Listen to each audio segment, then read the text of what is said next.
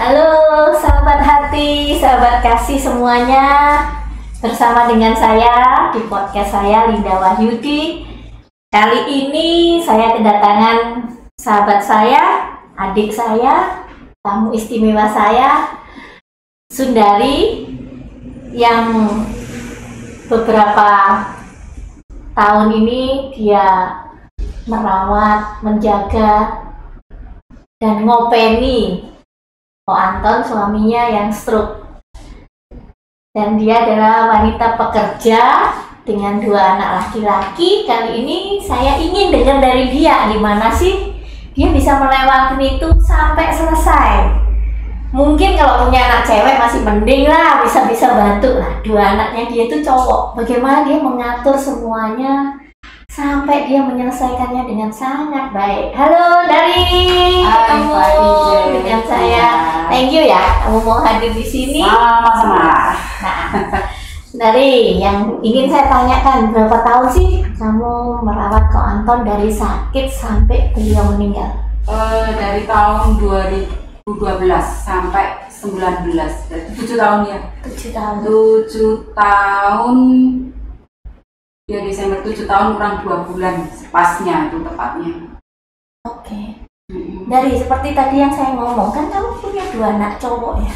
Gimana caranya kamu mengajak mereka terlibat untuk ngopeni papanya gitu loh kan kamu sendiri kerja gitu Iya. Eh, puji Tuhan ya saya kadang juga kalau sudah kelewat terlewati ini saya merasa sangat bersyukur sekali punya anak dua laki-laki itu saya dianugerahi dua laki-laki yang mempunyai hati yang menurut saya luar biasa bagi saya. Anak-anak itu bisa saya ajak berbagi tugas tanpa komplain. Ya kadang dia cemberut kadang dia ya, karena dia kan namanya dia bergaul dia punya teman dia punya kelompok kadang-kadang harus menjaga. Tapi tetap dia ini apa namanya selalu melakukan tugasnya dengan baik. Eh, dua anak saya ini mempunyai karakter yang berbeda. Satu itu pendiam tapi dia juga sangat sayang dengan papanya. Yang kedua itu eh, sedikit uraan sedikit uraan terus kemudian ya uraan lah uraan. Dan orangnya anaknya itu suka jahil sama bapaknya jadi dia kadang-kadang merawat bapaknya itu dengan kejailannya itu. Ya kadang berantem kadang teriak sama bapaknya. Tapi lucu bagi saya dan yang yang jelas tuh mereka itu menyelesaikan tugasnya dengan baik tanpa melukai menyakiti bapaknya. Bercanda iya kadang bapaknya suka dicowel-cowel diapain gitu dikuda-kudain bapaknya kadang marah gitu. Tapi itu bagi saya ya udah warna hidup dan seneng aja. Dan anak-anak itu untungnya bagi saya yaitu tadi saya ajari masak oke. Saya ajari ganti pampers yes. Saya suruh kasih obat tepat waktu iya. Saya kasih apa nyuapin bapaknya nyuapin papanya ya juga tidak pernah mengeluh itu. Itu kan sudah anugerah bagi saya. Jadi saya nggak pernah merasa berusaha bahwa saya membentuk saya anak saya menjadi seperti yang saya inginkan. Tidak saya hanya membagi tugas. Nanti gini ya. Nanti mama jam sekian pergi. Misalkan saya eh, ada pekerjaan saya kan freelance jadi saya tidak punya pekerjaan tetap. Yang itu awal-awal eh, Pak Anton sakit itu yang membuat takut saya kan itu. Pekerjaan saya freelance. Saya tidak punya pekerjaan itu dia jaga orang itu tapi semuanya di luar kuasa saya Tuhan yang bekerja. Itu tadi setiap apa namanya saya ada tugas kok yang kebetulan anak saya itu kalau saya tugas eh, proyek sampai jauh gitu ya kadang ke kadang sampai ke Gianyar itu pas kebetulan saya tugas anak saya tidak sekolah jadi Tuhan itu mengatur semuanya dengan indah. Dia jaga di rumah, saya bisa kerja nanti saya pulang. Mungkin ada selisih satu dua jam itu dititipkan ke tetangga. Kebetulan ada tetangga yang baik pas di depan rumah itu juga gitu. Kalau ada apa-apa titipin aja ke saya, nggak apa-apa gitu. Ya udah dititipin, titipin itu dalam arti apa ya Nari? ya hanya dititipin gitu. jadi Panto tetap di rumah Tetap di rumah. Iya, Rajanya. iya. Oh, karena kan pas oke. hanya selisih apa ya rumahnya hanya di depan rumah pas gitu aja. Jadi dia suka nengokin gitu. Ada dia eh, nanti tidak ditunggu setiap saat, tapi kadang-kadang dia tengokin lagi, kembali lagi ke rumah. Kalau Pak Antonya tidur, udah ada dia kembali gitu. Kalau pas Pak Antonya waktu itu bisa jalan kan, bisa jalan ke kamar mandi, ditungguin dia sampai dia keluar dari kamar mandi. Kadang-kadang ada trouble, misalkan harus BAB dia tanpa biasanya kan dia punya jadwal khusus ya pagi itu masih BAB tapi ada situasi-situasi tertentu dia nggak BAB pagi. Jadi waktu saya tinggal dia BAB gitu dia mau ngurusin. Tuhan itu kan biasa luar biasa bagi saya. Aduh pokoknya susah deh menceritakan kekuasaan Tuhan yang gitu tuh kadang-kadang cuma aduh Tuhan terima kasih Tuhan. Cuma gitu aja ya. Jadi kamu intinya nggak pernah memotivasi anakmu untuk ikut terlibat merawat papanya karena kamu kerja gitu enggak? tidak. Jadi saya hanya bagi tugas sama mereka. Mereka tahu sendiri keadaan itu mereka tahu sendiri. Nggak pernah saya membentuk mereka menjadi apa enggak jadi saya hanya bagi tugas. Makanya saya bilang "Is- Tuhan itu luar biasa. Tetap mau dikatakan seperti apa itu tetap luar biasa Soalnya kan biasanya anak perempuan ya lebih care gitu, anak laki kan Ya. lebih cuek-cuek gitu. Hmm. Setahu saya sih. ya Cuman ini benar-benar mau ikut ambil bagian gitu. Uh, pokoknya anak saya itu mau diceritakan seperti apa bukan ini bukan bermaksud saya membanggakan Iya. ya tapi saya mengalami hidup dengan anak-anak ini saya sendiri juga kadang-kadang heran loh Tapi memang membanggakan itu namanya. dia itu nggak pernah malu misalkan dia harus bopong bapaknya ya dia kan Pak Anwar tuh waktu dia masih bisa jalan masih tertatih-tatih ke gereja diminta itu. Dia minta ke gereja. Dia minta kalau Sabtu tidak ke gereja dia marah. Ayo kadang-kadang digodain kan sama anak-anak eh papa nggak diajak deh mau ke gereja mau ke gereja deh gitu. Marah kan bapaknya. Gereja mana sendiri gereja mana sendiri. Ya itu. Tapi kemudian Waktu itu anak-anak kelas berapa sih dari? eh yang pertama sudah lulus kuliah. Jadi waktu Pak Anton sakit, anak saya eh, pas semester terakhir. Eh, eh, Yang gede. Pas skripsi ya, pas Ya. skripsi. Jadi kan berat-beratnya. Maunya Ya. tidak saya kasih tahu, tapi Ya. ternyata ada keluarga yang memberitahu dia. Jadi terpaksa. Tapi untungnya selesai. Oh dia di luar kota?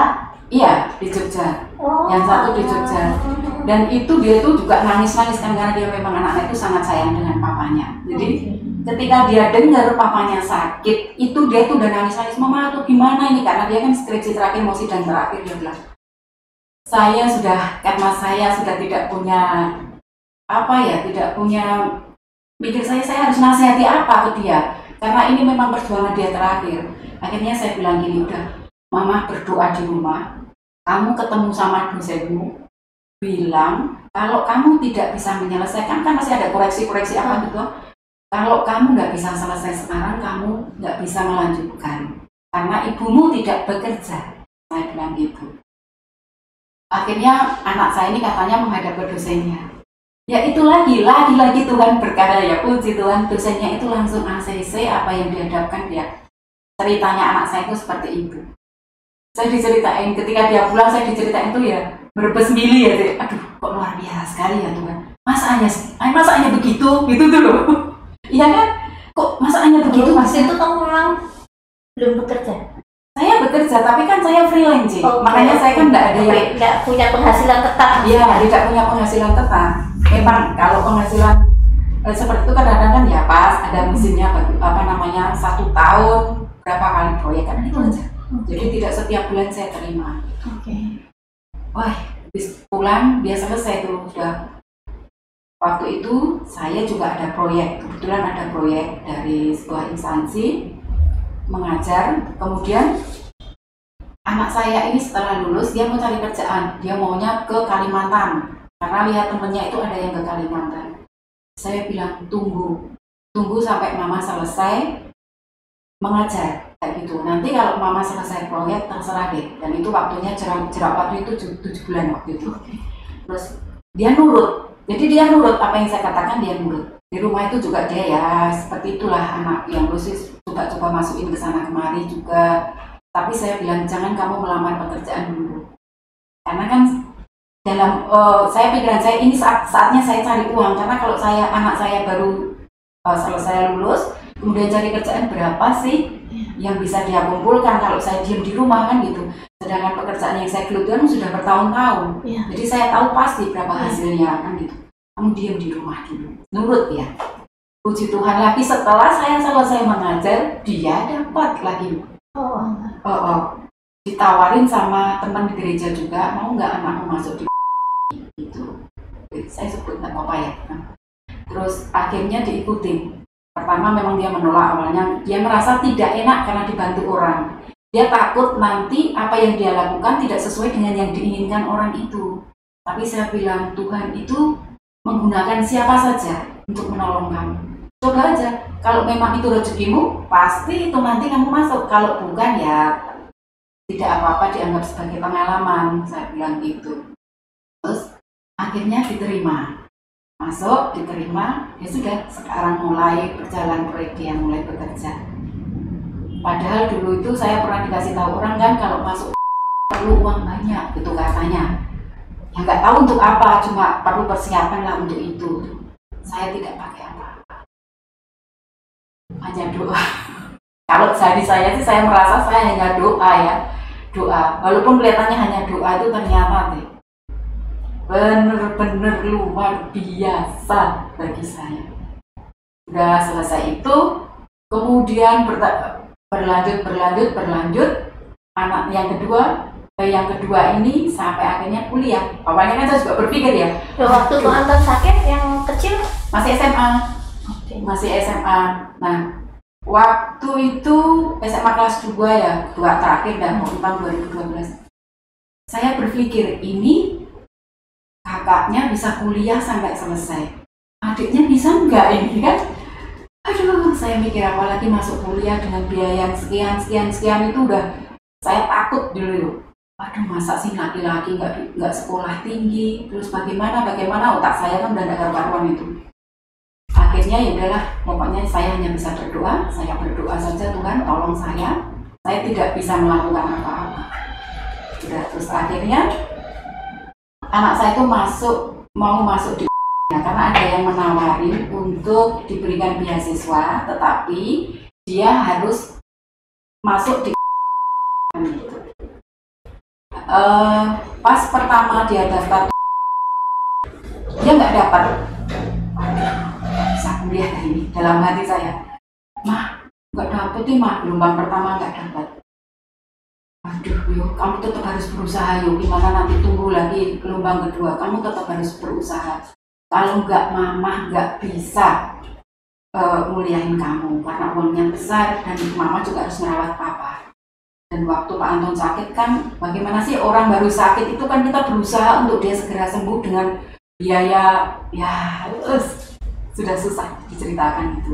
Terus akhirnya tidak tahu pagi-pagi itu juga tetaplah kita berdoa itu tetap. Karena dalam situasi seperti itu apa pun yang kita lakukan hanya berdoa andalkan Tuhan aja. Oh, oh tetap nggak ada. Mau ke saudara pun betul sekali. Tahu sendirilah ya semua orang pasti yang namanya orang sulit itu pasti orang mau mendekat juga agak ya mungkin maunya menolong tapi ya ya semua kan, punya keterbatasan ya semua ada keterbatasan. Makanya saya tidak pernah mengeluh ke keluarga. Terus kemudian pagi-pagi ada teman dia punya anak saya punya teman satpam dia panggil bu bu cucu sudah bangun belum? Dia bilang belum tuh masih tidur gitu. Karena memang dia nggak kuliah nggak sekolah jadi kan bangunnya siang. Bangunin dong katanya mau cari gitu. Iya nggak tahu itu kemarin nggak nggak keterima. Udah sini yuk anterin gitu. Ya ya rupanya dia mempunyai tetangga. Jadi orang Bali itu satu sanggah kalau dia dosen ajaklah dia berkenalan dengan dosen itu Eh, kemudian dia anak saya nanya, mah aku mesti nanti ngomong apa kan gitu. Mama ini juga nggak ngerti. Udah kamu bilang aja kalau uh, pengen kuliah dan kamu kepengen kuliah ini gitu, pengen kuliah ini.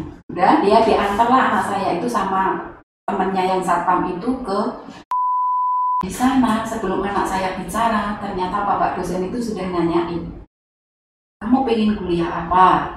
Oh, kamu senangnya apa? Bla bla bla dan diarahkan sama beliau. Itu diarahkan sama beliau. Uh, saya tidak tahu pasti apa yang dibicarakan cuma pulang itu anak saya cerita begini mah ternyata sebelum aku ngomong itu Pak dosen cerita uh, tanya semua sama seperti apa yang mama pesankan itu. Jadi mama nggak ngomong sama Pak dosen Pak dosennya langsung cerita apa menanyakan ke aku aku ingin apa gini? Terus kalau lebih baik kamu begini begini begini begitu. Terus kamu menurut ya udah aku ikut aja. Terus dia bilang aku nanti kalau udah lulus jadi apa ya mak saya sendiri tidak tahu. Saya hanya tahu anak saya itu eh, senang eh, punya banyak teman. Dia tidak bisa diam jadi kalau misalnya dia kerja apa ya jadi orang kantoran itu kayaknya pantatnya cepat panas. Saya makanya saya bilang tak suruh ke pariwisata. Tapi saya nggak tahu nanti jadi apa kan gitu. Mah kalau saya di pariwisata nanti lulusnya jadi apa? Mama nggak tahu juga saya gitu. Ikutin aja nanti bagaimana cerita belakangan. Yang penting kamu kuliah lulus dapat ini dulu S1 dulu saya bilang gitu. Udah. Berjalannya waktu berjalannya waktu ya dengan eh, segala macam apa ya warna kehidupan itu tadi. Puji Tuhan sekarang dia juga sudah kerja. Heeh, dan itu tidak perlu menunggu waktu lama. Jadi tidak perlu menunggu waktu bertahun-tahun kira-kira sekitar berapa ya mungkin dua bulan satu dua bulan itu dia sudah ditawarin sama temannya juga kamu jangan cari kerja lain ya nanti masuk di aku boleh sebut ya nama Ramayana Mas di sana dia jadi apa namanya jadi apa itu? Supervisor. Jadi supervisor tapi masih kontrak. Ya puji Tuhan lah orang lain masih cari kerjaan ya kan susah. Ada temannya yang dia cerita temanku tuh padahal pintar mah tapi belum dapat pekerjaan. Nah ya kamu itu nakal ya dapat kerjaan ya. Puji Tuhan Pak anak saya itu kalau di luar nakal ya. tapi kalau di rumah patuh dengan orang tua patuh dan sayang Wah itu berkat yang paling besar. Wah. benar saya kadang-kadang suka diceritain anaknya om Sundar itu nakal tapi di rumah itu dia nggak menunjukkan kenakalannya disuruh nurut pokoknya nurut Kayaknya taat buah jatuh tidak jauh dari pohon. Kira-kira yang sudah taat itu kamu atau Pak Anton? Pak agak adaan loh Kayaknya kayak model kamu kayaknya nggak nurun kamu. Yang nurun kamu. nah dari selama kamu merawat Anton tujuh tahun itu ada nggak peristiwa yang membuat kamu merasa lelah dan putus asa rasanya capek banget gitu? Ada nggak kejadian? ada Eh, kalau dalam merawat Pak Anton sebetulnya tidak ada yang menyusahkan karena Pak Anton itu orangnya pendiam dia nggak pernah protes dikasih apa aja dia mau diapain aja dia nggak pernah marah nyaman jadi dia orangnya itu manut-manut aja gitu nggak pernah rewel juga kan ada cerita orang kalau merawat orang stroke itu korban perasaan katanya kan gitu Ya, Sampai- teman saya seperti itu. Iya, dia bilang ini apa? Ini salah, itu itu. salah. Ya. Tidak kelihatan aja marah-marah. Ya. Untungnya Pak Anton enggak. Jadi enggak. Kadang dia suka mengeluh, mungkin dia juga jenuh ya. Dia jenuh, dia mengeluh dengan kalimat yang terbata-bata itu dia bilang, aku ini bagaimana gitu. Ya sudah, kita saling menguatkan. Kadang-kadang dengan anaknya, anaknya ya bilang, apa apa, nggak apa-apa Pak, semangat aja. Biasanya kalau anak-anak kan nggak punya kata-kata banyak atau beda dengan kita yang udah melewati banyak cerita kan. ya. Nggak apa-apa semangat aja. Yang penting papa semangat nanti sembuh. Biasanya anak-anak cuma begitu aja. Tapi kalau dengan saya ya saya juga bilang nggak apa-apa, dijalani aja bersama-sama. Anak-anak juga bantu, udah nggak usah mengeluh. Udah jalan aja gitu. Biasanya cuma gitu. Ya udah kalau udah gitu nanti kita kasih lagu-lagu itu dia ikut-ikut nyanyi dengan suaranya yang nggak jelas itu tapi dia teriak-teriak juga meluapkan emosinya ya kadang-kadang sampai nangis-nangis dia nyanyi-nyanyi lagu rohani itu dia yang Terima kasih Yesus. Dengan suara yang terbata-bata. sampai nangis-nangis buat Yesus sampai kayak gitu Terima kasih Yesus. Udah. Kalau dia nyanyi itu kita ikut terharu itu saya membayangkan kerinduan dia ya kerinduan dia kelelahan dia.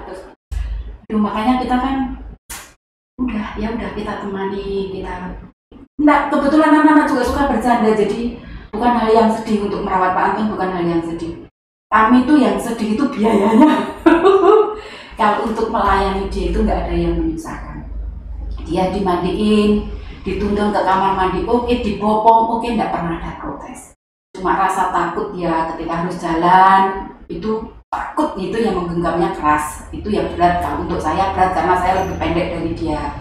Kadang-kadang kalau sama anak-anak enggak dibopong nggak ada yang menyusahkan. Kalau saya merawat secara pribadi keluhan nggak ada. Nggak ada marah-marah nggak pernah ada.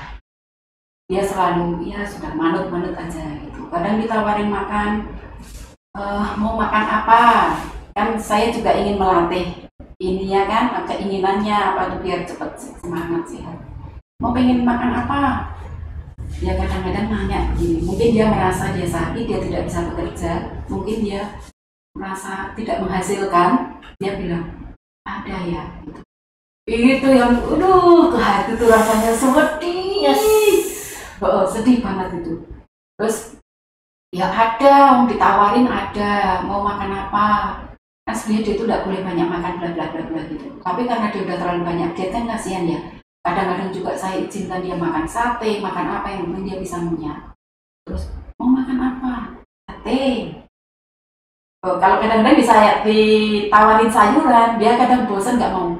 Mau apa? Tahu? Diam gitu. Tahu. Aduh. Oh, mau apa? Sop. Ah, sop. Gitu dia pokoknya nggak nggak terus. Kalau sate mau? gitu ya, ya maunya sate, sate lontong. Kita beliin sate lontong.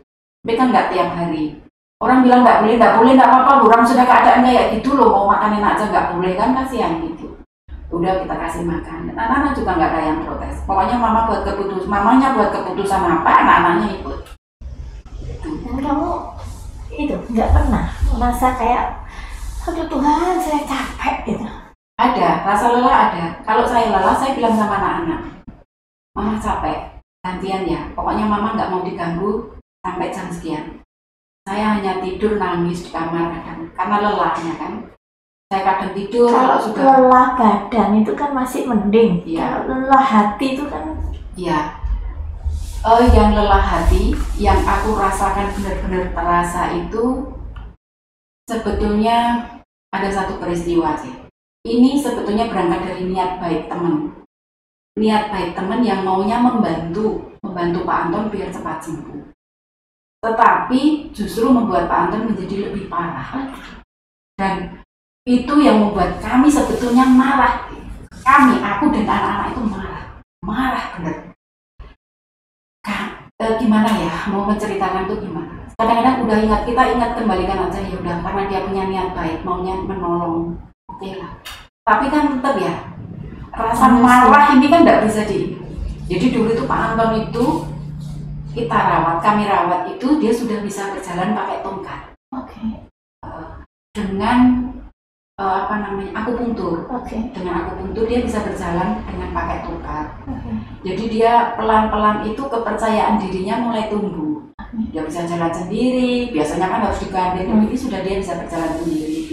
Dia pakai tongkat sendiri. Pelan-pelan nanti balik lagi gitu. Kalau jauh pasti harus ditemani kan. Tuh Suatu hari ada teman yang datang, padahal teman ini juga hampir tidak pernah ketemu. Hampir tidak pernah ketemu, datang, dia menawarkan untuk e, memberi bantuan mengobati Pak Anton dengan cara pakai alat. Saya sudah bilang tidak mau. Saya berpikir pengobatan hanya sesekali tidak akan menyembuhkan dia. Karena yang namanya stroke itu harus berkelanjutan dan yang dan yang jelas katanya dokter tuh mentalnya harus pulih kalau mentalnya pulih tidak down dia punya semangat tinggi untuk sembuh itu semangat sembuh untuk sembuh itu e, minyak presentasinya lebih besar. Makanya kan itu yang kami jaga. Saya bilang saya sudah alasan saya mau latihanku saya mau tapi orang itu ngotot mau ngajak Pak Anton ini berobat. E, mau diajak ke rumahnya beliau untuk dibuat apa di terapi. Di terapi. Saya melepaskan orang sakit yang biasa saya dampingi setiap hari, saya melepaskan begitu saja kan tidak bisa. Akhirnya dia diajak Pak Antonnya mau karena Pak Anton itu orangnya sungkanan, orang sungkan, udah orang baik mau ditolong tidak mau. Udah. Saya ikutilah orang itu sampai ke rumahnya dia terus dipakai alat itu dia disembuhkan. Setelah pulang dari dua kali saya ke sana karena setelah itu besoknya dari pesan besok ke sini lagi ya biar cepat sembuh bapak gitu karena Pak Anton senang saya ikutin gitu. Besok lagi saya datang ke sana malamnya setelah hari kedua itu malamnya teriak-teriak Pak Anton itu kesakitan tangannya meluntir meluntir gini dan kakinya meluntir aduh mukanya panas dia sakit sakit sakit aduh aduh gitu teriak-teriak. Tensinya akhirnya karena mungkin dia ngerasain sakit itu tensinya menjadi 220 jadi yang normal normalnya dia 100 karena minum obat juga kan jadi dari 140, 150, 130, 120 itu selalu kayak gitu tuh tiba-tiba menjadi 220 terpaksa harus oknam dua minggu di rumah sakit setelah itu mentalnya kena, psikologisnya kena. Dia menjadi takut. Diajak berobat lagi nggak mau, takut seperti itu lagi. Diterapi tidak mau karena takut mengalami seperti itu lagi. Mungkin tuh mengalami sakit yang luar biasa. Sampai terkencing-kencing kok dia. Mungkin sakit sekali itu. Terus dia, dia itu setelah itu dia nggak nggak bisa jalan. Mentalnya dia kan kena akhirnya dia jalan takut jatuh akhirnya dia hanya bisa tidur udah tidur mau kencing itu kalau kita angkat ya mau kencing ke kamar mandi dikasih pepes kan nggak mau mau kencing ya udah kita angkat kita diajak jalan melatih jalan. Uh tuangannya kenceng nih jadi kayak narik gitu loh kita namanya tarik gitu. Saking takutnya di sana pengalaman itu yang membuat kami benar-benar merasa down merasa marah merasa aduh Tuhan apa sih maunya Tuhan ini? Terus kadang-kadang orang orang-orang yang melihat kan juga bilang sabar sabar kan gitu loh. Tapi kan orang nggak tahu bagaimana kami ini berjuang menjadikan Pak Anton menjadi bisa berjalan itu kan? Perjuangan kami kan luar biasa menurut saya karena itu perlu biaya besar. Dan waktu saya kan nggak ada mobil. Mana-mana sepeda. Saya kena ke sini ya di terapi sama dia itu kan pakai motor. Tak bonceng seperti anak kecil jadi dia tak bonceng tak tali pakai tak gendong pakai selendang itu tak bonceng ke mana-mana terapi di mana orang dengar terapi tak bawa ke sana. Ke Tabanan ya ke mana pokoknya orang bilang iya ya ikutin. Saya lihat kalau ada perkembangannya saya terusin. Kalau tidak ada perkembangannya saya stop. Karena saya kasihan dia juga kan kalau hanya harus jauh-jauh itu apa diangkatin terus hanya naik sepeda ke mana-mana hanya nggak ada hasil. Tapi yang jelas yang saya merasakan uh, perkembangannya itu justru di akupunktur itu. Nah, akupunktur kan lumayan sih. Sekali datang itu waktu itu 150 padahal seminggu tiga kali. Penghasilan saya tidak setiap bulan. Dan saya masih harus ngurusin anak kuliah. Ya kan? Berat makanya saya merasa perjuangan saya waktu itu bener-bener kayak orang yang dibanting gitu loh. Pluk gitu aja. Lemes bener-bener rasain kayak nggak ada semangat saya. Tapi sudah untungnya saya punya Tuhan Yesus ya. Jadi tetap tetap berlutut menangis saja sudah menangis sama Tuhan saya harus bagaimana saya nggak tahu tapi dalam setiap peristiwa itu saya merasakan Tuhan selalu memberikan kekuatan di tingkat yang berbeda karena saya merasa saya waktu peristiwa itu saya merasa bahwa perjuangan saya nggak ada gunanya. Akhirnya kan saya pasrah tadi. Nah, saya menyerah dan Tuhan terserah kayak begitu. Nah dari situlah saya belajar berserah. Ya, apa yang saya rencanakan itu tidak seperti yang Tuhan inginkan, Tuhan rencanakan. Berarti ya sudah, ikutin aja Saatnya makan kita kasih makan, saatnya minum obat kita kasih obat, saatnya terapi kita terapi. Semampu kita membawa dia untuk terapi. Saya berpikirnya akhirnya begitu. Karena kan saya harus memikirkan tiga anak, dua anak saya ini juga kan. Gitu. Jadi kamu total kan di Bali nggak ada saudara, nah. nggak ada keluarga. Hmm. Jadi betul-betul single fighter fight sendiri. Sendiri. Sendiri. Wow tapi Tuhan selalu memberikan malaikat, menurunkan malaikatnya. Kelihatannya saya sendiri, tapi setiap situasi-situasi tertentu Tuhan menurunkan malaikatnya entah dengan cara apa dia menolong saya ada kalanya saya membutuhkan sesuatu dimudahkan ada kalanya saya membutuhkan satu eh ada orang yang mempunyai apa uh, apa ya menolong apa gitu. Pokoknya ada ada yang seperti itu. Saya merasa bahwa Tuhan selalu menurunkan malaikatnya untuk menolong saya. Jadi saya tidak benar-benar dibiarkan sendiri. Saya diberikan anak dua ini tuh bagi saya itu adalah malaikat bagi saya. Karena dengan nurutnya dia dengan taatnya dia ke saya itu itu sudah luar biasa bagi saya. Itu biasa. Itu yang saya alami itu seperti itu. Jadi setelah itu itu berjalan berjalan waktunya sampai akhirnya.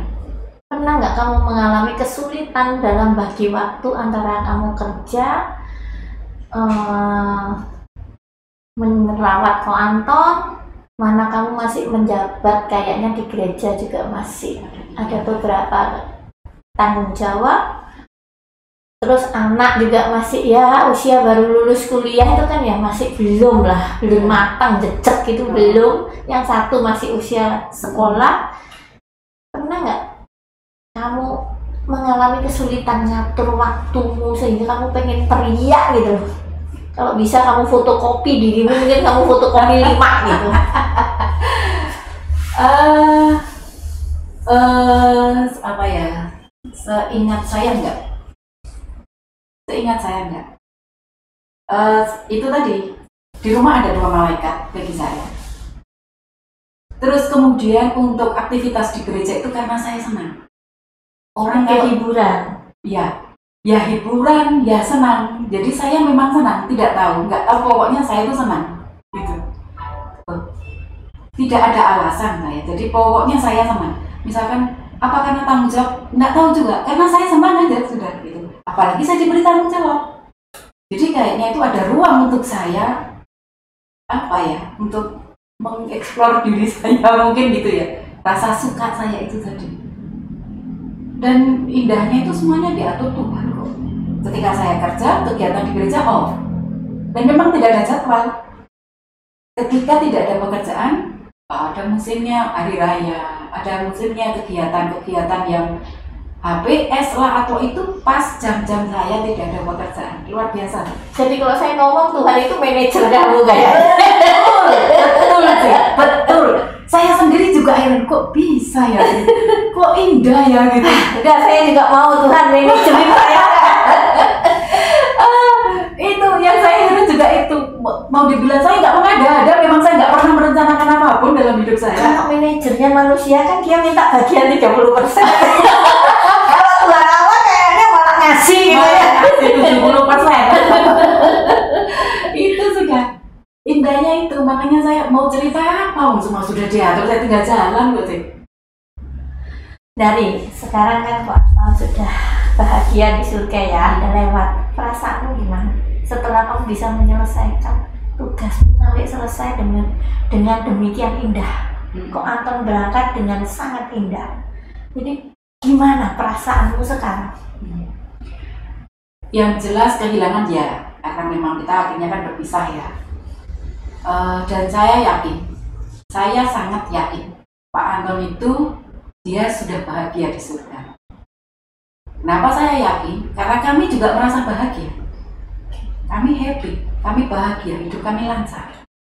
Memang keinginan kami, keinginan keluarga saya, anak-anak saya itu kan bukan hal-hal yang ajaib yang tiba-tiba belum ada istana, tiba-tiba belum kemudian kita mendapat surprise yang seperti apa enggak. Jadi saya merasa kami merasa bahagia itu berarti Pak Anton juga bahagia. Itu, itu, uh, itu yang saya rasakan dan yang jelas kelegaan ya, Cik bagi saya, saya lega, saya sudah bisa menyelesaikan tanggung jawab saya sebagai istri, mendampingi dia sampai Tuhan menginginkan dia pulang. Yang paling ngeri itu waktu 20 hari di rumah sakit. Wah, itu benar-benar apa yang terjadi? Saat-saat terakhir itu, saat-saat saya tidak punya uang. saat-saat yang mengerikan bagi saya sih. Jadi Pak Anton itu kan bed rest antara satu setengah tahunan. Nah, ketika Pak Anton bed rest ini saya juga sudah tidak bekerja karena memang ada peraturan-peraturan baru yang kemudian saya sadar diri saya tidak dipakai, tidak akan dipakai dengan persyaratan. Makanya saya ya sudah saya minta izin untuk untuk tidak untuk keluar karena saya bertanya pun ke beberapa teman di BLK maaf di beberapa teman di instansi itu saya tidak mendapat jawaban. Jadi ya oke, saya tahu diri saya mengundurkan diri. Terus ya sudah saya mengundurkan diri pun juga bukan sesuatu yang bagi saya aduh aku nanti makan apa ya pak? Kebetulan anak saya sudah bekerja walaupun gajinya tidak belum banyak tetapi anak saya ini berani lapar untuk bapaknya. Luar biasa. Dia berani lapar benar-benar. Gaji nggak seberapa dibagi dengan saya untuk ngurusin bapaknya. Kadang dia punya uang lebih dikit pulang bawa pempes. Mah aku beliin pempes untuk papa. Kadang dia pulang uh, gajian mah ini untuk bayar listrik. Mah ini. Dan itu bagi saya luar biasa.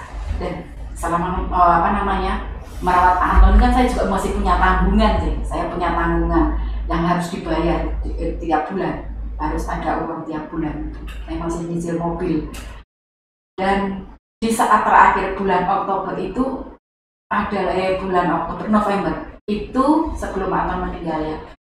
Eh, sesudah Pak Anton meninggal ya saya itu ada cicilan terakhir cicilan terakhir dan juga harus bayar apa namanya pajak. Pajak mobil ya lumayan kan untuk itu. Saya berpikir matang ini. Semua di rumah sakit ini. Pak Anton di rumah sakit saya di rumah sakit nggak pegang apa-apa bayangin nggak pegang apa-apa anak saya juga sudah berkeluarga kan satu jadi saya nggak saya sudah memesan dia, tidak usah kamu terlalu mikirin mama. Mama bisa, padahal saya juga nggak bisa-bisa banget sih, Tapi saya ingin anak saya tidak fokus, ya kan. Kita kan nggak tahu kebutuhan dia ya karena dia sudah berumah tangga. Terus mama bisa kok, saya gitu. Terus kemudian, nggak apa-apa mah, nggak, mama bisa. gitu. Jadi saya juga tidak ingin mengganggu kehidupan dia yang sudah berumah tangga, dia punya tanggung jawab beda. Nanti kalau kamu punya bonus-bonus aja bantu mama gitu. Pada saat itu di rumah sakit selama 20 hari itu saya melihat Pak Anton seperti orang yang sudah tidak sadar. Udah kesadarannya menurun drastis, nggak sadar. Jadi dia hanya matanya melotot ke itu ke atas itu cuma sama apa nafasnya yang sudah tersengal-sengal kayak gitu. Saya nggak punya uang. Saya saya punya tabungan, tetapi tidak cukup untuk menyelesaikan itu. itu. Saya berpikir. Aduh Tuhan saya setiap kali berdoa itu saya justru berdoa. Berdoa aku percaya saya mau percaya Tuhan. Saya percaya saya percaya Tuhan ada. Saya percaya Tuhan Tuhan akan buat semuanya baik. Saya percaya saya ber... tapi saya takut. Berarti saya ngapusi ya? Saya ngapusi kan berarti saya percaya mulut saya terbuka dengan kata percaya tapi berarti saya takut kan berarti saya nggak percaya.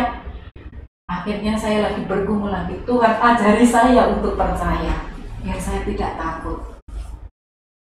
Setiap kali nggak ada teman kan kita giliran jaga ya. Setiap kali tidak ada teman ya itu saya hanya mengeluh kepada Tuhan ajari saya percaya dan saya tidak takut. Ajari saya percaya. Well, sudah tidak tahu bagaimana ceritanya kemudian saya ditawarin disuruh mengajar di sebuah sekolah Pak Anton di rumah sakit. Uh, anak saya satu kerja di Ubud yang satunya skripsi terakhir. Juga dia cari-cari dosen sidang ke mana cari-cari dosen kan itu. Setengah mati kan bagi saya juga berpikirnya. Suami masuk di isolasi. Saya harus ngajar. Kalau saya bayar orang saya nggak mampu. Karena saya nggak punya uang kan? Saya cuma bilang Tuhan kalau pekerjaan ini tidak saya ambil saya tidak punya uang tapi kalau saya ambil pekerjaan ini, Pak Anton nggak ada yang dulu. Saya berani-berani nyanyi kasarnya kalau saya bilang ini saya kurang ajar ya. Pokoknya terserah Tuhan. Saya gitu aja sudah. Mau gimana saya nggak bisa berpikir apa-apa. Tuhan ini pokoknya terserah Tuhan. Ya itu tadi, Tuhan lagi-lagi mengatur semuanya. Jika saya bekerja, anak saya yang eh, skripsi yang cari-cari dosen tadi, itu dia bisa jaga kebetulan pas jadwalnya Pak dosen ini anak saya bisa, saya ada di rumah sakit, anak saya ada waktu ke ketemu. Jadi semuanya itu benar-benar diatur, benar-benar manajernya Tuhan luar biasa. Sampai selesai, akhirnya saya punya uang, saya berpikir begini sih, sampai saya berpikir begini. Kan biasa ya kalau di kantor mungkin ada administrasi atau apa yang harus dikurangi. Saya sampai berpikir nanti kalau sampai honor saya ini dipotong, saya mau mengemis, saya mau mengemis, tolong jangan potong honor saya, karena saya butuh ini. Biar orang lain nanti mau berpikir saya bagaimana, bagaimana setelah itu saya nggak dipakai, terserah. Saya sampai berpikir. Dan luar biasanya ketika saya terima honor itu, sedikit pun tidak dipotong, sedikit pun tidak dipotong. Dan justru ditambahkan karena biasanya saya tidak terima uang apa namanya transportasi ya. Saya tidak punya uang tidak terima uang itu dapat. Aduh mau saya? Manajer itu nggak mau deh. Benar benar saya, saya kalau makanya saya bilang orang kalau berpasrah itu memang indah. Tapi kan perlu perlu apa ya? Perlu keberanian ya untuk melepaskan itu memang benar. Itu memang benar. Berkali-kali saya itu memang benar saya gitu.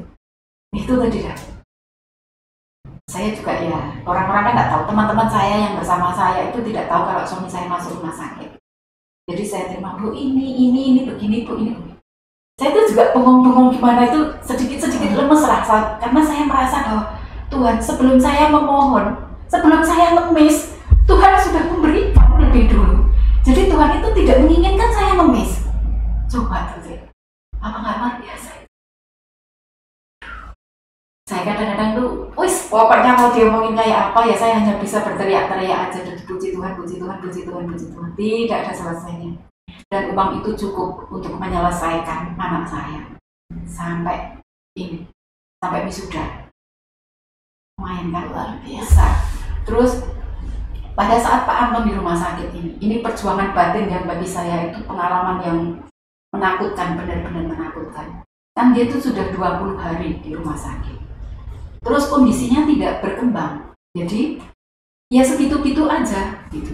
Tidak ada perkembangan yang uh, dia akhirnya bisa tangannya bisa bergerak atau mungkin dia bisa ngomong itu enggak. Jadi ya cuma kelap kelop kelap kelop itu. Nah kan dari kami kan pakai BPJS pengobatan itu pakai BPJS itu kan ada limitnya. Dokternya bilang uh, ini kalau tidak ada perkembangan berarti kemampuan dia hidup hanya sampai di situ berarti memang harus dipulangkan karena ada limitnya ya, saya bilang sama di situ mungkin dokter muda ya saya kurang paham juga dokter uh, gimana kalau kalau dibawa pulang dalam kondisi seperti itu karena semuanya itu udah pakai alat ya nah kalau saya mengusahakan itu kan pakai uang lagi saya dapat saya dapat uang saya bagaimana dokter uh, apakah tidak boleh tunggu dulu sampai Pak Anton bisa diajak komunikasi atau gimana gitu. Dokter mudanya bilang, oh coba nanti saya bicarakan dengan senior bu. Kemudian waktu ada dokter seniornya dokter tidak usah disebut namanya. Oh, enggak bukan disebut namanya dokter ya struknya itu loh yang siapa? Sarah dokter Sarahnya dia bilang tidak bisa bu. Ini karena BPJS ada limitnya ibu boleh pulang dulu, besok ibu balik lagi. Kondisi seperti itu harus dibawa pulang. Saya kan bingung sih, lemah benar-benar lemah dan badannya itu di belakang itu sudah udah penuh luka, udah penuh luka. Terus uh, semua, badan itu sudah bengkak semua. Terus bagaimana ini saya? Saya tanya sama susternya di situ. Suster, kan dokter menyarankan ibu bisa kok nanti apa namanya home care ibu bisa home care tanya sama dulu saya buka-buka google ya harga home care bapak itu dari 3 juta 5 juta 4 juta ada yang eh, tergantung penyakitnya. Saya tanya tanya sama suster e, kalau saya home care dengan kondisi Pak Anton seperti ini berapa? Ya satu bulan mungkin sekitar 3 sampai 5 itu tergantung bapak. Ini kalau bapak yang seperti ini yang mungkin sampai 5 juta deh bu. Kan gitu kamu uang aja tidak suruh bayar 5 juta kan saya mikir diem. Saya diem. Terus ada dokter lagi dokter seniornya lagi keliling setiap pagi itu kan keliling lihat kondisi pasien. Dia bilang ini harus sudah pulang karena sudah kena limit bla bla bla bla bla gitu. dokternya itu ngomong begitu kan saya di luar di luar mojok gitu. Wih saya nangis ya gimana saya bingung itu coba kondisi kayak gitu piye iki golek dikon mulih kayak piye saya kan gitu kamu dikon mulih kayak piye cara ngopain ini piye yang itu dokternya pergi saya Pak wah jangan mau pulang ya. Jangan mau pulang Pak. Gitu. Dia itu nggak bisa saya pikir dia memang nggak sadar jadi nggak bisa diomong. Tapi dua-duanya tak usap-usap gitu bilang jangan mau pulang ya. Pokoknya jangan mau pulang. Aku nggak punya uang. Nanti kalau eh, disuruh pulang aku nggak bisa merawat kamu kamu akan ngerasain sakit atau lebih sakit lagi. Jangan mau pulang ya jangan pulang. Udah, itu kalau nggak salah itu hari hari Jumat ya kita Jumat. Dia bilang dokter nanti hari Senin buatkan notaan buatkan apa itu surat untuk pulang udah tak bisiin terus jangan mau pulang pak jangan mau pulang. Eh benar. Pas hari Senin itu Pak Anton disuruh pulang ngedrop sih ngedrop sama ngedrop ngedropnya seharian itu ngedrop kalau saya bilang puji Tuhan lah kurang ajar. Iya. tapi bagi saya itu puji Tuhan karena itu pilihan terbaik Iya, ya kan Anton lebih baik di rumah sakit soalnya. Iya, Iya. puji Tuhan saya gitu. Terus habis diperiksa lagi, oh ngedrop. Kalau ngedrop kan nggak bisa dibawa pulang kan pasien. Dokternya bilang tunggu dulu tiga hari lagi. Nanti kalau sudah naik lagi, baik lagi baru boleh dibawa pulang. Dibuatkan rekomendasi untuk pulang. Setiap memang saya kalau ke sana, eh, kalau selama dia di rumah sakit maupun di rumah Tuhan, setiap pagi kita ajak berdoa. Setiap pagi kita dengarkan firman. Nanti malam kita juga ajak berdoa. Selain sel- sela-sela waktu dari pagi sampai kita apa setelah lagu-lagu rohani itu juga. Selalu selalu kita ajak berdoa kita ajak ngobrol kita ajak apa nah di rumah sakit pun saya melakukan itu. Jadi setiap kali berdoa saya juga sudah bilang begitu jangan mau pulang ya. Pokoknya kalau disuruh pulang dokter jangan mau pulang. Nggak usah pulang. Nanti kalau mau berangkat berangkat dari sini saja. Kalau berangkatnya di rumah aku bingung. Nggak ada temennya. Kan anak saya kerja di Ubud satu yang satunya kuliah kan? Saya mau teriak-teriak ke siapa? Sedangkan perumahan saya itu bukan perumahan yang seperti perumahan-perumahan yang terbuka ya. Semuanya tertutup dan satu sama lain tidak akrab. Kan mau teriak ke mana saya juga? Terus sepertinya di perumahan saya itu oh, semuanya banyak orang bekerja kalau pas pagi tidak ada orang kan bingung saya. Kalau iya kalau mental saya kuat saat nggak ada. Kalau mental saya kuat saya bisa hubungi orang lain. Kalau mental saya nggak kuat terus seandainya saya menghubungi orang lain pun kan saya harus menunggu waktu. Iya. kan itu pikiran saya sudah bermain itu. Terus selalu saya jangan mau pulang nanti kalau berangkat dari sini saja berangkat dari sini saja aku ada yang menolong. Di sini kan banyak suster banyak perawat. Kalau menghubungi orang gampang pak. Jadi saya ngobrol dengan Pak Anton saya ngobrol. Kalau menghubungi orang untuk membantu yang lain-lainnya gampang pak. Tapi untuk merawat dia awal-awal itu kan tidak bisa saya. Ya itu tadi setiap kali dia disuruh pulang dia ngedrop. Setiap kali itu sampai tiga kali saya hitung tiga kali yang yang ketiga itu benar-benar dia berangkat. Jadi memang ya dalam keadaan yang kalut seperti itu kan banyak orang yang membantu dengan cara mereka masing-masing. Ada yang menyarankan bla bla bla tapi untuk hal-hal yang tidak se seiman dengan Ya. maksudmu imannya tidak semaksud dia harus ke mana ke mana yang yang di luar iman saya itu saya memang tidak pernah mau. Kan saya bilang kalau kamu mau menolong kamu mau bawa dia bawa. Saya nggak ikut. Ya. karena saya ikut pun percuma karena saya tidak percaya. Ya. ya kan? Tapi kalau yang membawa ini orang yang percaya siapa tahu bisa sembuh. Kan itu pikiran saya ya. Akhirnya ada teman yang dia katanya mempunyai mata batin. Nah, mata batin. Dia minta tolong. Ya udah ma anak saya nanya memang setiap kali mau melakukan apa-apa anak saya kan konsultasinya ke saya ma ini ada eh, bapak ini ini ini ini bisa begini gini gini mama mau nggak? Kalau papamu tidak diapa-apain mama mau. Maksudnya tidak harus dipijat Iya. tidak harus dikasih minum apa harus itu mama mau tapi jangan disentuh. Papa jangan disentuh. Maksudnya disentuh dengan hal-hal seperti itu. Kalau hanya mata batin kan perlu disentuh hanya dilihat aja apa jangan dikasih rapa rapa lagi juga saya mama nggak mau. Tapi kalau pokoknya yang penting boleh kamu lakukan apa boleh yang penting papa jangan disentuh jangan disakiti lagi saya terus akhirnya yaitu tadi ada teman yang datang ke rumah sakit dia katanya bisa komunikasi dengan rohnya itu. Dia bilang ibu bapak ini menunggu saudaranya. Eh, terus kemudian dia menunggu saudaranya saya tanya saudara siapa kan karena dia punya saudara itu berenam tujuh dengan dia saudaranya yang mana Wah saya nggak tahu ya bu, coba aja semua saudaranya ditelepon kalau kamu disuruh datang saudaranya. Kok batin saya itu kuat, batin saya itu kuat kalau dia itu kepingin ketemu sama saudaranya yang di Surabaya. Karena waktu dia hidup, dia itu komunikasinya intens banget sama adiknya ini. Oke. Intens banget. Saya merasa kok kayaknya dia pengen ketemu dengan dia. Akhirnya saat itu juga saya video call. Pak, kamu kangen tau sama Ngok, namanya kan Ngok, kita biasa panggil Ngok. Kamu kangen tau sama Ngok gitu. Kok keluar air matanya dia? Berarti memang dia ingin, padahal kan tidak pernah kok lihat air mata dia keluar kan? Dia keluar air matanya. Oh, kamu kangen ya sama Ngok? Langsung tak telepon.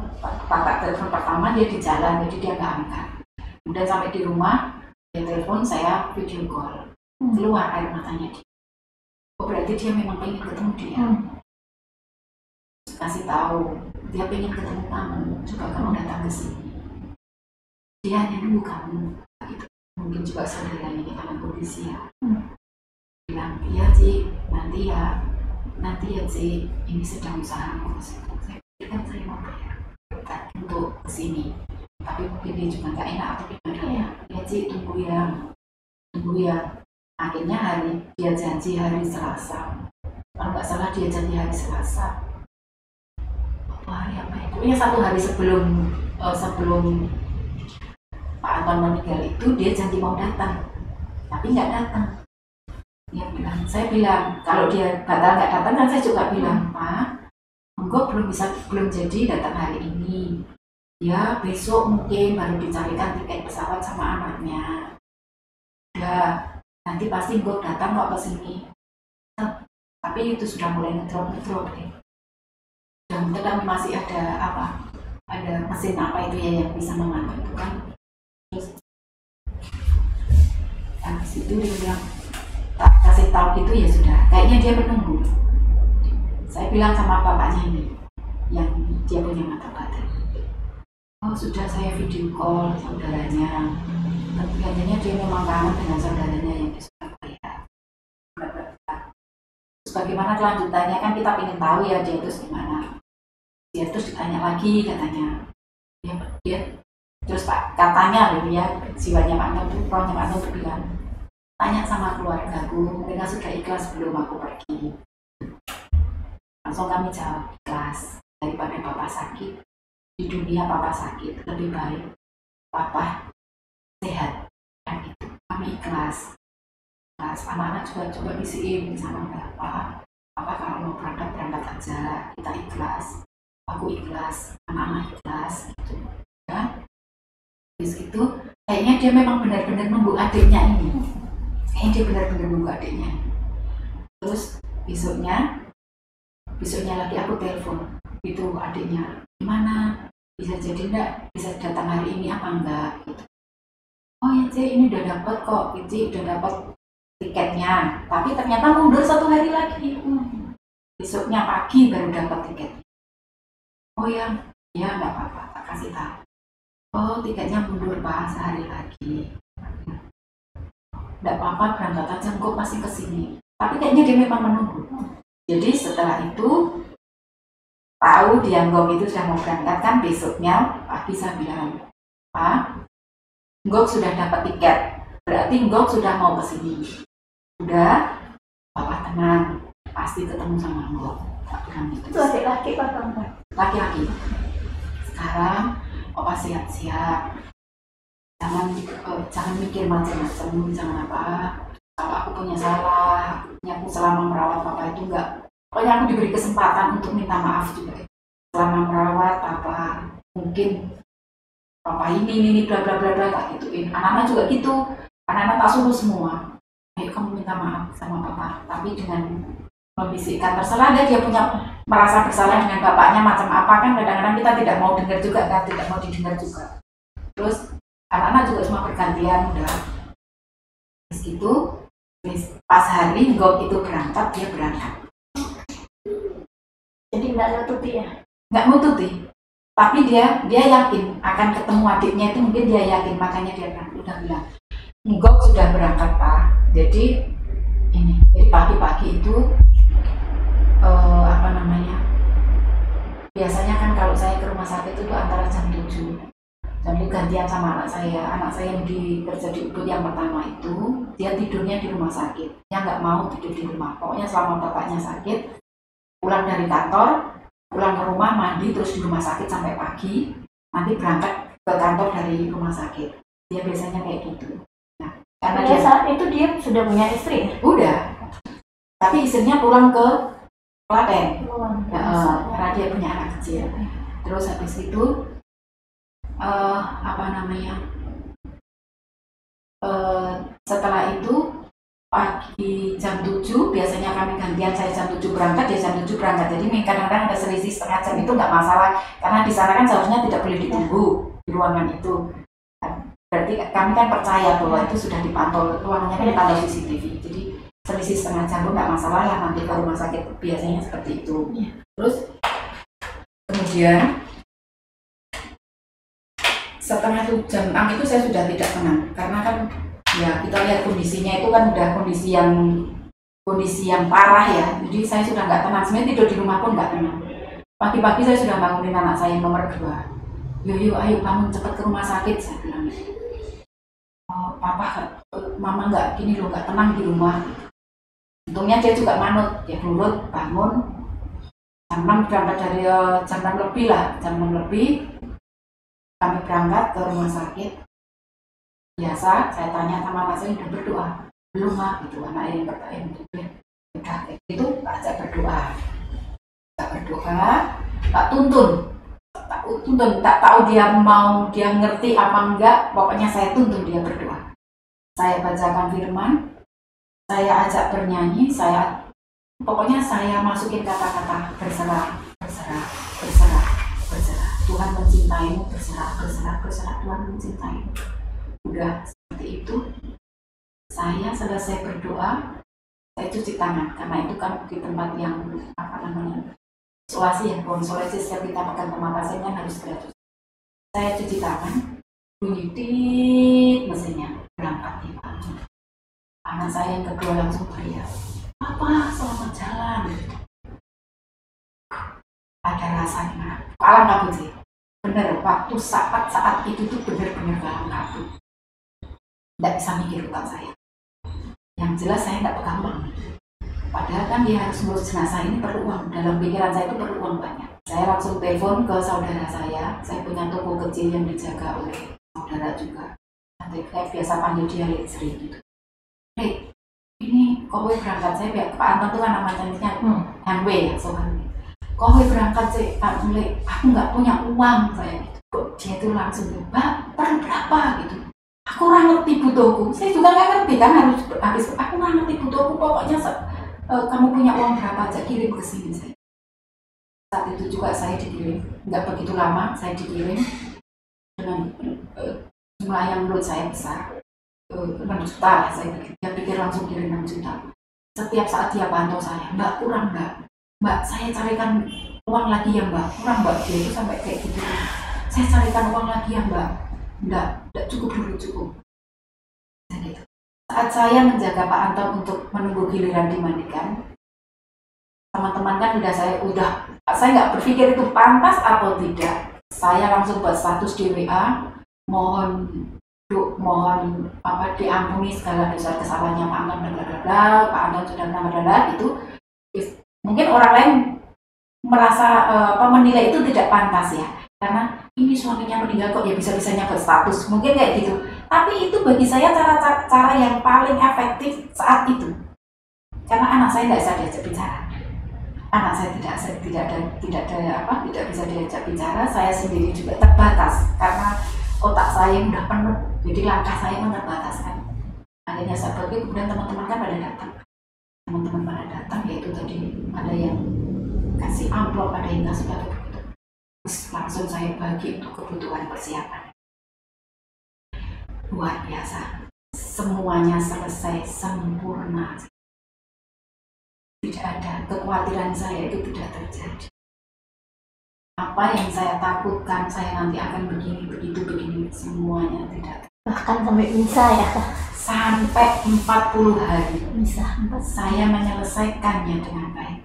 Saya karena memang kan tempat saya itu tahu sendiri ya tempat saya kan apa kecil ya sempit ruangan sempit. Jadi saya bagi dua. Jadi ada beberapa teman yang saya tidak undang untuk tujuh minta doa untuk tanggal apa tujuh hari yang tujuh hari dari lingkungan yang tujuh hari kemudian dari teman. Karena memang kami punya saya punya kebetulan punya banyak teman dan punya banyak orang yang menyayangi saya.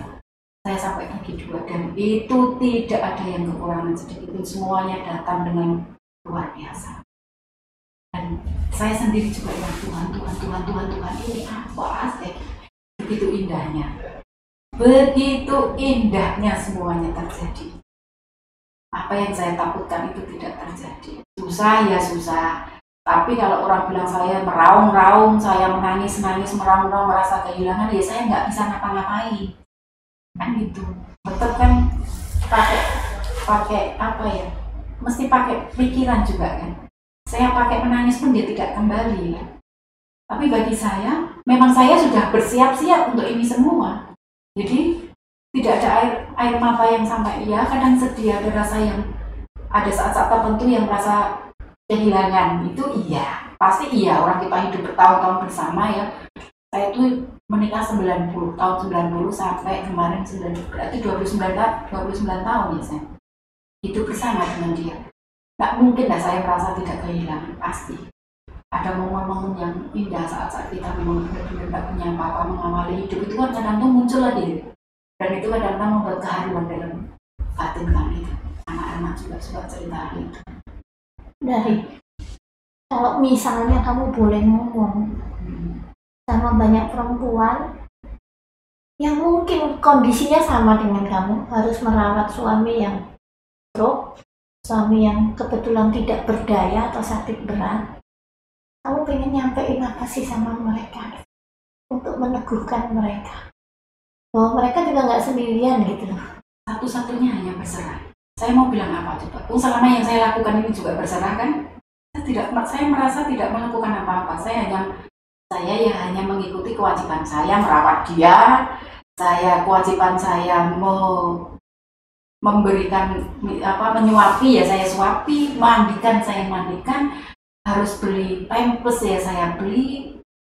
Ya sudah gitu saja. Semuanya itu semuanya misalnya misalnya oh. nih ada orang yang ngalami sedang capek sedang putus asa. Kamu pengen ngomong apa sih? Karena kamu kan sudah ngerasain kan ya kalau sedang capek sedang putus asa. Kalau misalkan ini pengalaman saya ya memang benar-benarlah mintalah sama keluarga untuk menjaga sesaat. Karena memang lelah itu memang harus dibuang, harus istirahat, ya kan? Tapi seandainya tidak pun kan berarti harus dari diri, diri sendiri. Dari diri sendiri itu ya berserah itu tadi, bagaimanapun ya sudah, saya melewati ini. Uh, kalau saya kemarin itu berpikirnya begini, ini adalah tangga saya untuk melihat kemuliaan Tuhan. Ini tangga saya untuk melihat kemuliaan Tuhan walaupun kadang-kadang ya berontak terus kapan sih katanya indah pada waktunya indah ora teko-teko kan gitu. Suka bertandanya gitu. indah itu ke mana? Gitu datang gagal orang orang kalau menghibur kan sudah sabar indah pada waktunya kan gitu. Tapi kan saya suka menjawab iya om indah lu ngopek mek rambutnya gitu. Saya kan selalu bilang begitu. Makanya ya satu-satunya memang berserah. Kalau lelah istirahat itu saja entah bagaimana cara kalian istirahat. Yang yang tahu kan mereka dia sukanya apa? Itu lakukan yang kalian suka. Udah menurut saya saya juga ada kan anak saya meninggalkan eh, rumah itu kadang-kadang sampai tiga hari saya main. Gitu. Tapi ya anak-anak gak apa-apa. Happy aja anak-anak gak apa-apa. Nggak protes juga apa nggak apa-apa. Soalnya tadi pagi sebelum ketemu kamu, Mm-mm. teman saya yang suaminya ngalami seperti Ko Anton, WA saya. Sebelum Oh. saya ketemu kamu. Dia bilang, ya itu keuangan saya sudah lampu merah, saya nggak bisa mengharapkan saudara, teman sudah banyak bantu, nggak mungkin manusia itu bantu terus-terus. Biasanya orang cuma sekali bantu selesai, Mm-mm. dan Ya, memang. saya sudah capek banget. berserah biar nggak sampai berserah apa pun itu yang saya lakukan ya hanya begitu ya saya berdoa ya menangis ya saya saya ya berdoa ya menangis ya apa. Kadang-kadang itu saya sampai nggak bisa berdoa. Yaitu saat apa ya? Kadang-kadang kan Pak Anton itu ketika bed rest itu kan dia sering kejang nah kalau sudah kejang berarti itu nanti untuk pulih lagi seperti sedia kala sebelum kejang ini perlu waktu kurang lebih dua minggu. Nah, waktu yang dua minggu itu pemborosan banyak sekali. Karena kita harus persiapan tabung gas. Kita harus persiapan gas oksigen dulu. Kita harus persiapan oksigen. Kita pempes. Itu kalau sudah habis kayak gitu, tuh pempes yang biasanya mungkin hanya pakai diganti pagi sama sore itu bisa empat kali bisa lima kali. Karena sudah tidak terkontrol kalau habis kejam itu tidak terkontrol dan itu luar biasa. Kalau sudah kayak gitu kan saya nangis nih. Saya itu pernah sampai eh, kan saya kadang malu ya kita nangis dilihat anak-anak kan kadang-kadang malu nah pada saat itu anak-anak itu nggak ada semuanya saya punya patung Bunda Maria besar sekali saya taruh di ruang tamu saya beli dari teman itu juga ada teman yang butuhkan uang kemudian dijual saya beli. Eh, saya memasang lilin di depan Bunda Maria itu saya tidak bisa ngomong apa-apa saya hanya nangis sampai ibu kuku kuku kuku kuku gitu. Sampai nangis nangis nangis. Nggak bisa mau ngomong apa saya Tuhan. Saya minta tolong minta tolong apa lagi saya kan gitu.